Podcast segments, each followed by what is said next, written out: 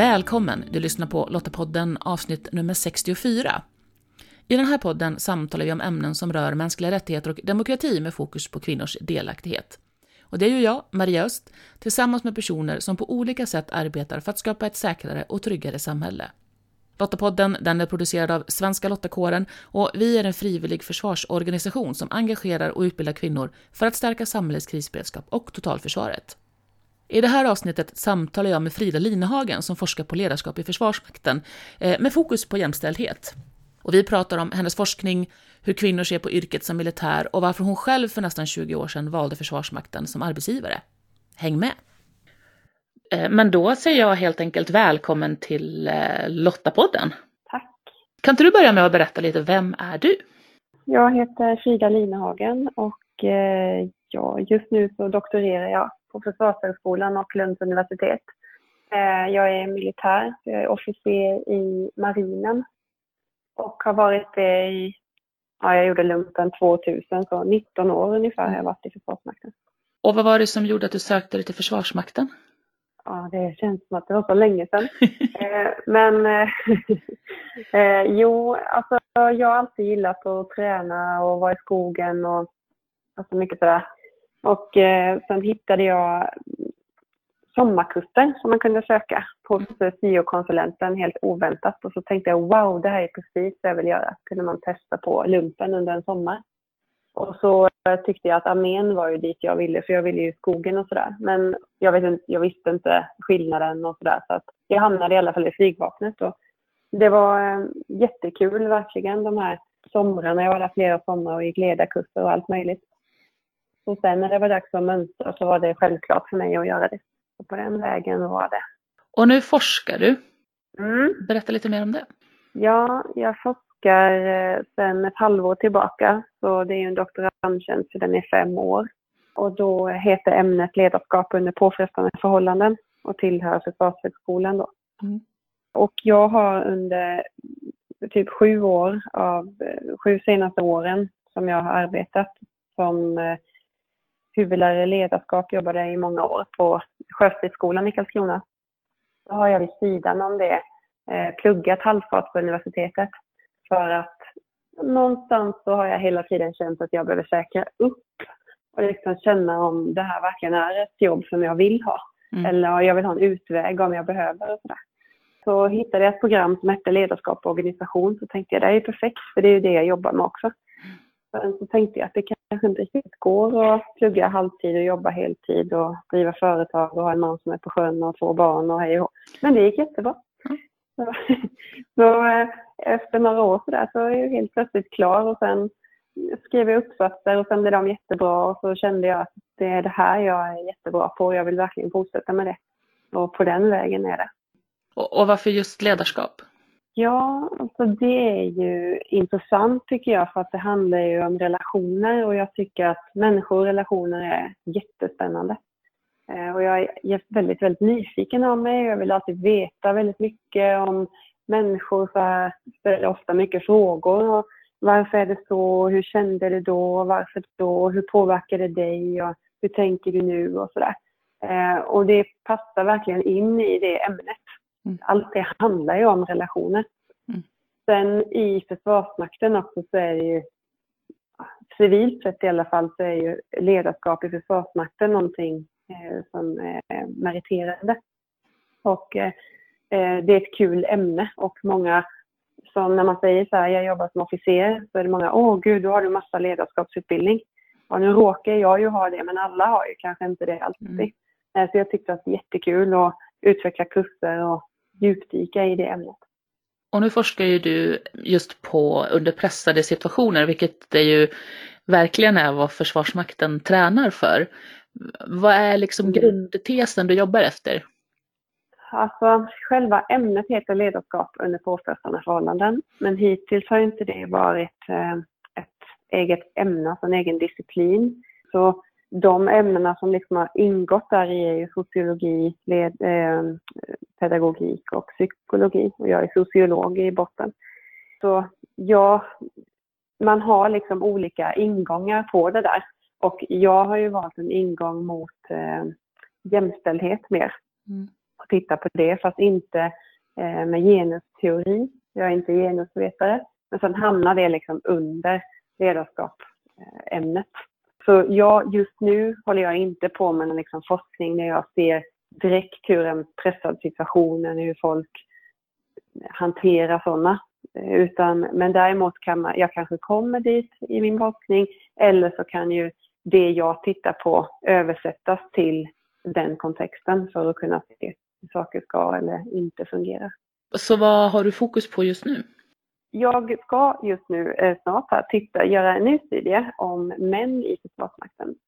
För att jag har eh, ganska nyligen, eller ett år sedan är det nu, publicerat en artikel som handlar om hur det är att vara kvinna i Försvarsmakten. När jag har intervjuat eh, nio stycken kvinnor från soldat till general om eh, deras erfarenheter av att arbeta i en maskulin organisation.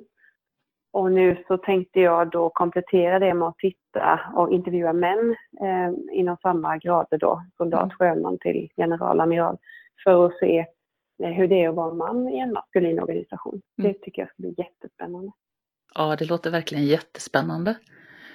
Eh, jag tänker så här, men vad var det kvinnorna sa då om, om sin verklighet? Ja, alltså vad de sa och vad det blev. De sa att eh, alltså det handlade väldigt mycket om att förhålla sig till eh, oskrivna regler, så fick den heta, eller den svenska versionen hette så. Att förhålla sig till oskrivna regler och då var förhålla, alltså föret var inom parentes. Så att mm. Det handlar inte bara om att förhålla sig utan också hålla sig till dem.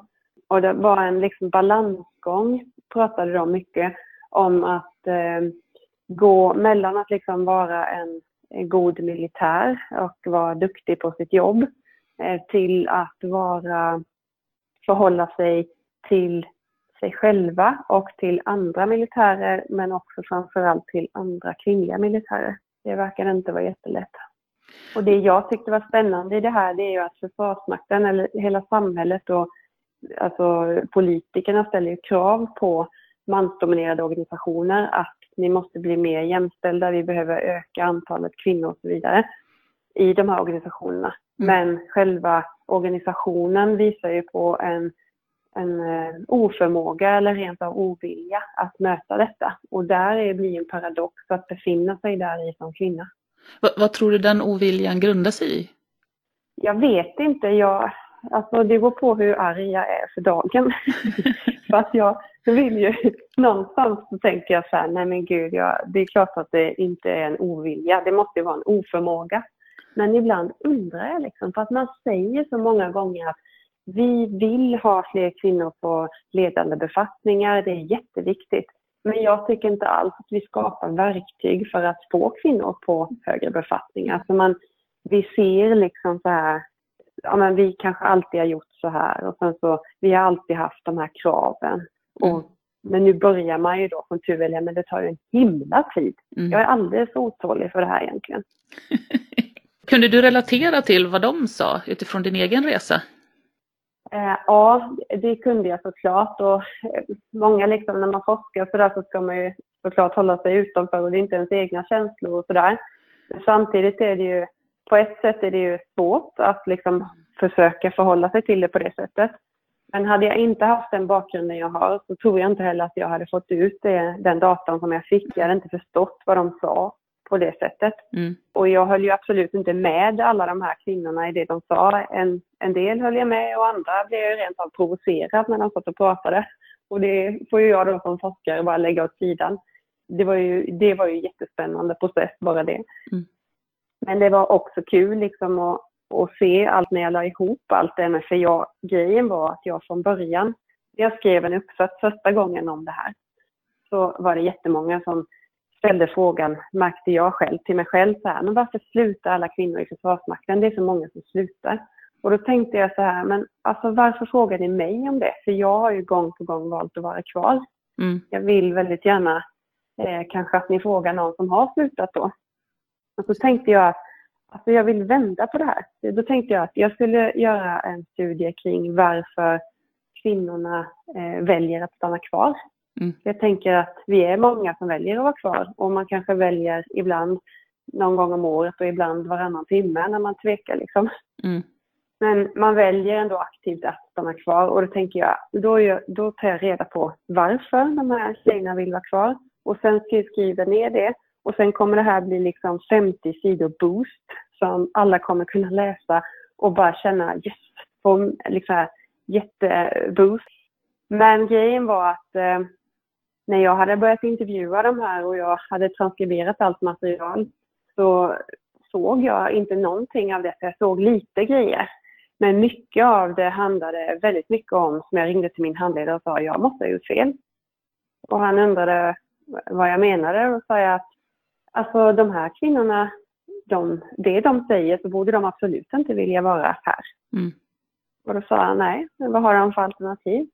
Det vet jag inte. Alltså, så här, då tänkte jag att han tyckte att oh, det här är ju superintressant rent sociologiskt medan jag kände att jag hade misslyckats. För jag ville ju verkligen att de här kvinnorna skulle få tala om vad som var det bästa med deras jobb. Ja. Och det hade jag ju bara ställt sådana frågor och ändå kom det fram så mycket saker som handlade om att inte passa in. Så eh, jag var jätteledsen och jag tvivlade på mitt eget yrkesval typ 85 000 gånger under den uppsatsskrivandet. Eh, men det var också väldigt intressant att se. Och, och, jag funderar ändå liksom någonstans, för det är som du säger, de har ju ändå valt att vara kvar. Oavsett nu om, om det beror mm. på att de faktiskt trivs eller om det är så att de kanske just nu känner att de inte har något, något, något annat val. Men de är ju ändå kvar, så jag tänker någonting måste, ju, mm. måste man ju som individ ändå mm. få med sig. Alltså jag tänker, vad har du fått med dig av att vara officer? Um, jag har fått med mig att skifta fokus till mig själv här. Det är ju svårt. Nej, men jag har ju fått med mig en grundpelare någonstans, liksom värdegrunden till exempel. Ehm, mm. Och värdegrund i Försvarsmakten kan man ju knappt säga, för då dör ju folk. Men jag tycker att den är jättebra. Mm. Eh, och det här liksom att våga prata om de här sakerna och att, eh, att våga stå för mina åsikter. Att trots att jag är minoritet eller har varit inom Försvarsmakten så har jag ändå liksom känt att jag hör hemma där. Mm. Och eh, det jag tycker och känner och gör är den organisationen. Så mycket det. Sen självständighet såklart har man väl fått med sig mycket. Och sen nu när jag har barn och sådär tänker jag ofta på det när folk kommer hem hit så brukar de säga herregud, här borde två militärer se. Alltså hur fint det tänker jag, för jag har ingen uniform hemma eller någonting. Ja men det är så väldigt fint bäddade sängar och ordning och reda och jag vet inte om det är militärt, men jag gillar det. Och barnen bäddar sina sängar. Ja. ja. Sen om jag säger de här, jag måste säga det med med studien också med de kvinnorna, att de sa ju väldigt mycket att det bästa med det här jobbet var gemenskapen. Mm. Eh, och det var att eh, det var flexibelt jobb och det var väldigt enkelt, väldigt enkelt sa de inte, men det gick att få ihop två militära karriärer och för att det gick liksom att flexa hit och dit och någon jobbade deltid och sådär. Mm. Eh, så att de var ju väldigt positiva till det. Men i andra andetaget så berättar de samtidigt, vilket jag tror att de inte riktigt tänker på själva. Men när jag la ihop allting och sen la en mm. teori på så blev det så tydligt. Det var ju kvinnorna som jobbade deltid. Det var ingen man som jobbade deltid av deras män, mm. där nästan alla också var militärer. Det var kvinnorna som eh, Eh, vabbade mest för att eh, det, hans, hans jobb var viktigare. Han, man kunde inte vara borta för då kunde inte fartyget åka eller man mm. kunde inte ut i skogen och mm. sådär. Och eh, gemenskapen var så fantastisk för samtidigt berättade de stora delar av det att man inte helt fick vara med i mm. den. Mm. Så att det blev ju, på det sättet blev det spännande. Fast samtidigt så övervägde ju fördelarna så mycket. Och mm. de trivdes ju i det liksom. Mm. Och där kan jag väl också känna igen mig. Liksom. Ja, och jag tänker att det är väl lite problematiken det där i att, att vara en, minor, en minoritet i, en, um, i ett yrke som så traditionellt är manligt. Att vara pionjär ja. fortfarande fastän vi är 2019 och någonstans bryta ny mark hela tiden för att, uh, för att få gehör och, och kanske förändra normer. Um, och, och, det är väl kanske lite specifikt naturligtvis i Försvarsmakten, men, men jag tänker att, uh, att det återspeglar lite samhället i stort också. Vad tänker du kring det? Ja, det gör det verkligen och det är ju det, är ju det Försvarsmakten vill också återspegla samhället. Nu gör vi inte riktigt det eftersom samhället har lite fler kvinnor. Men det finns andra mansdominerade företag eller kvinnodominerade branscher och så vidare. Mm. Eh, det jag tycker är intressant eh, och är skrämmande är ju att det går så otroligt sakta. Mm. Att eh, idag är vi liksom 8% militärt anställda, eh, kontinuerligt anställda kvinnor. Mm. Och det är ju inte liksom en revolutionerande siffra. Eh, polisen har ju mycket fler kvinnor. Mm. mm. Så att det, det är ju intressant tycker jag. Och, och vad tänker du skulle ja, göra för att mm. fler skulle vilja kliva in och fler definitivt stanna kvar?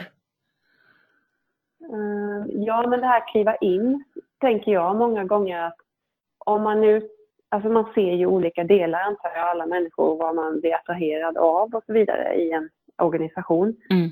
Men när jag tittar på just jämställdhetsmässigt och man ser om jag skulle vara 17 år och sen titta in i Försvarsmakten och se att Jaha, det finns inte jättemånga kvinnor med höga grader här. Mm. Så inga förebilder i princip för mig. Det verkar ta en himla tid att ta sig någonstans.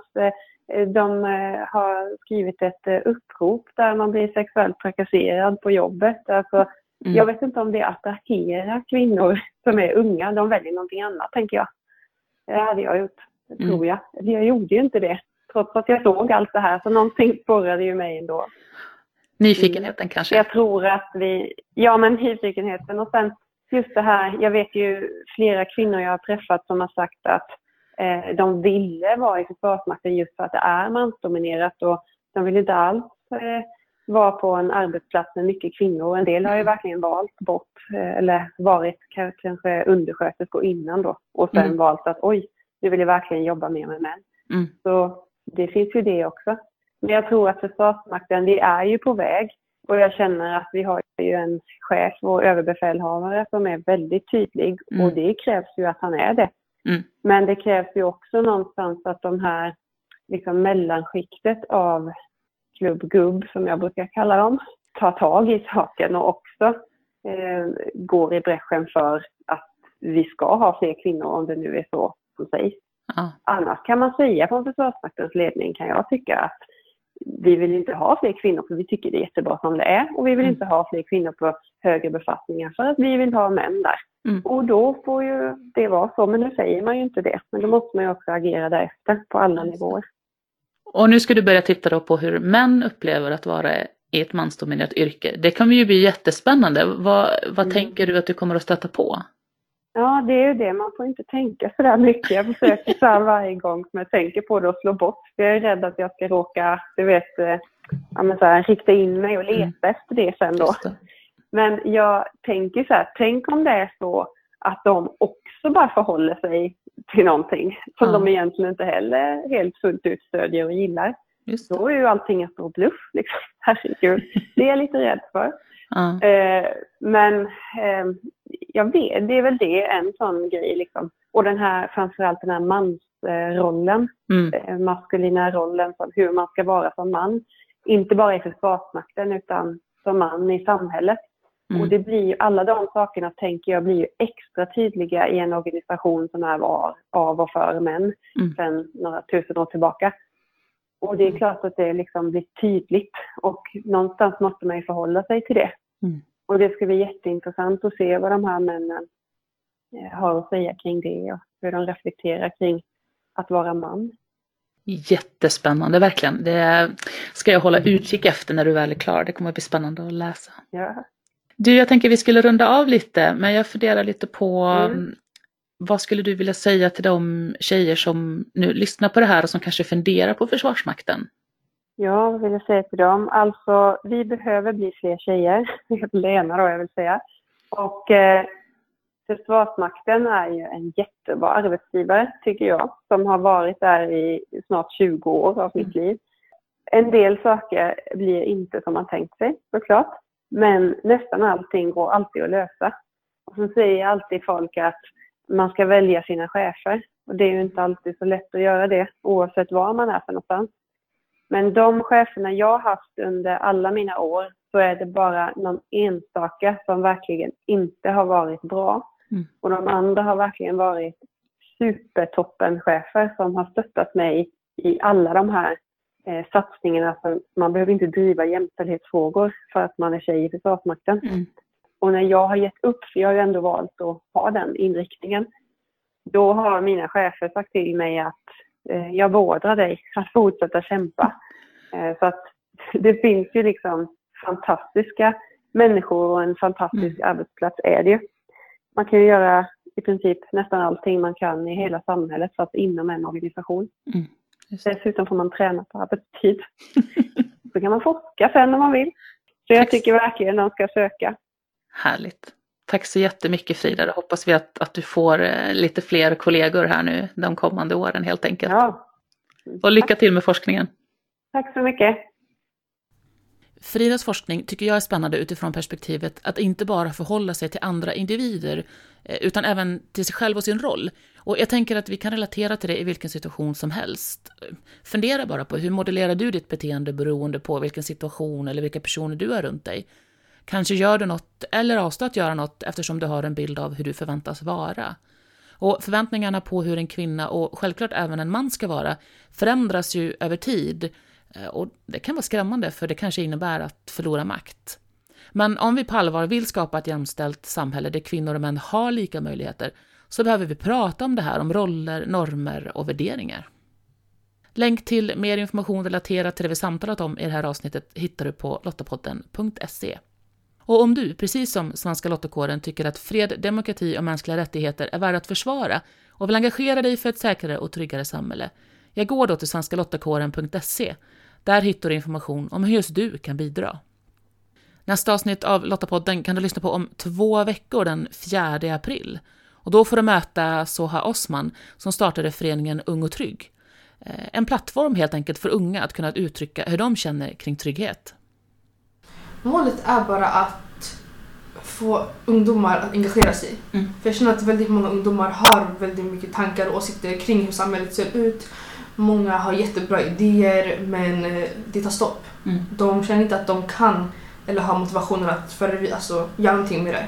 Så eh, jag känner att min organisation kan vara som en liten push, att de kan vara delaktiga i någonting så de kan känna att okej men jag är otrygg men jag gör åtminstone någonting åt saken. Mm. För att säkerställa att du inte missar nästa avsnitt så prenumerera gärna på Lottapodden på Apple Podcast, via Podbean eller lyssna på oss på Spotify. Och om du gillar Lottapodden, berätta gärna för andra om den. Och tack för att du lyssnar. Hej så länge!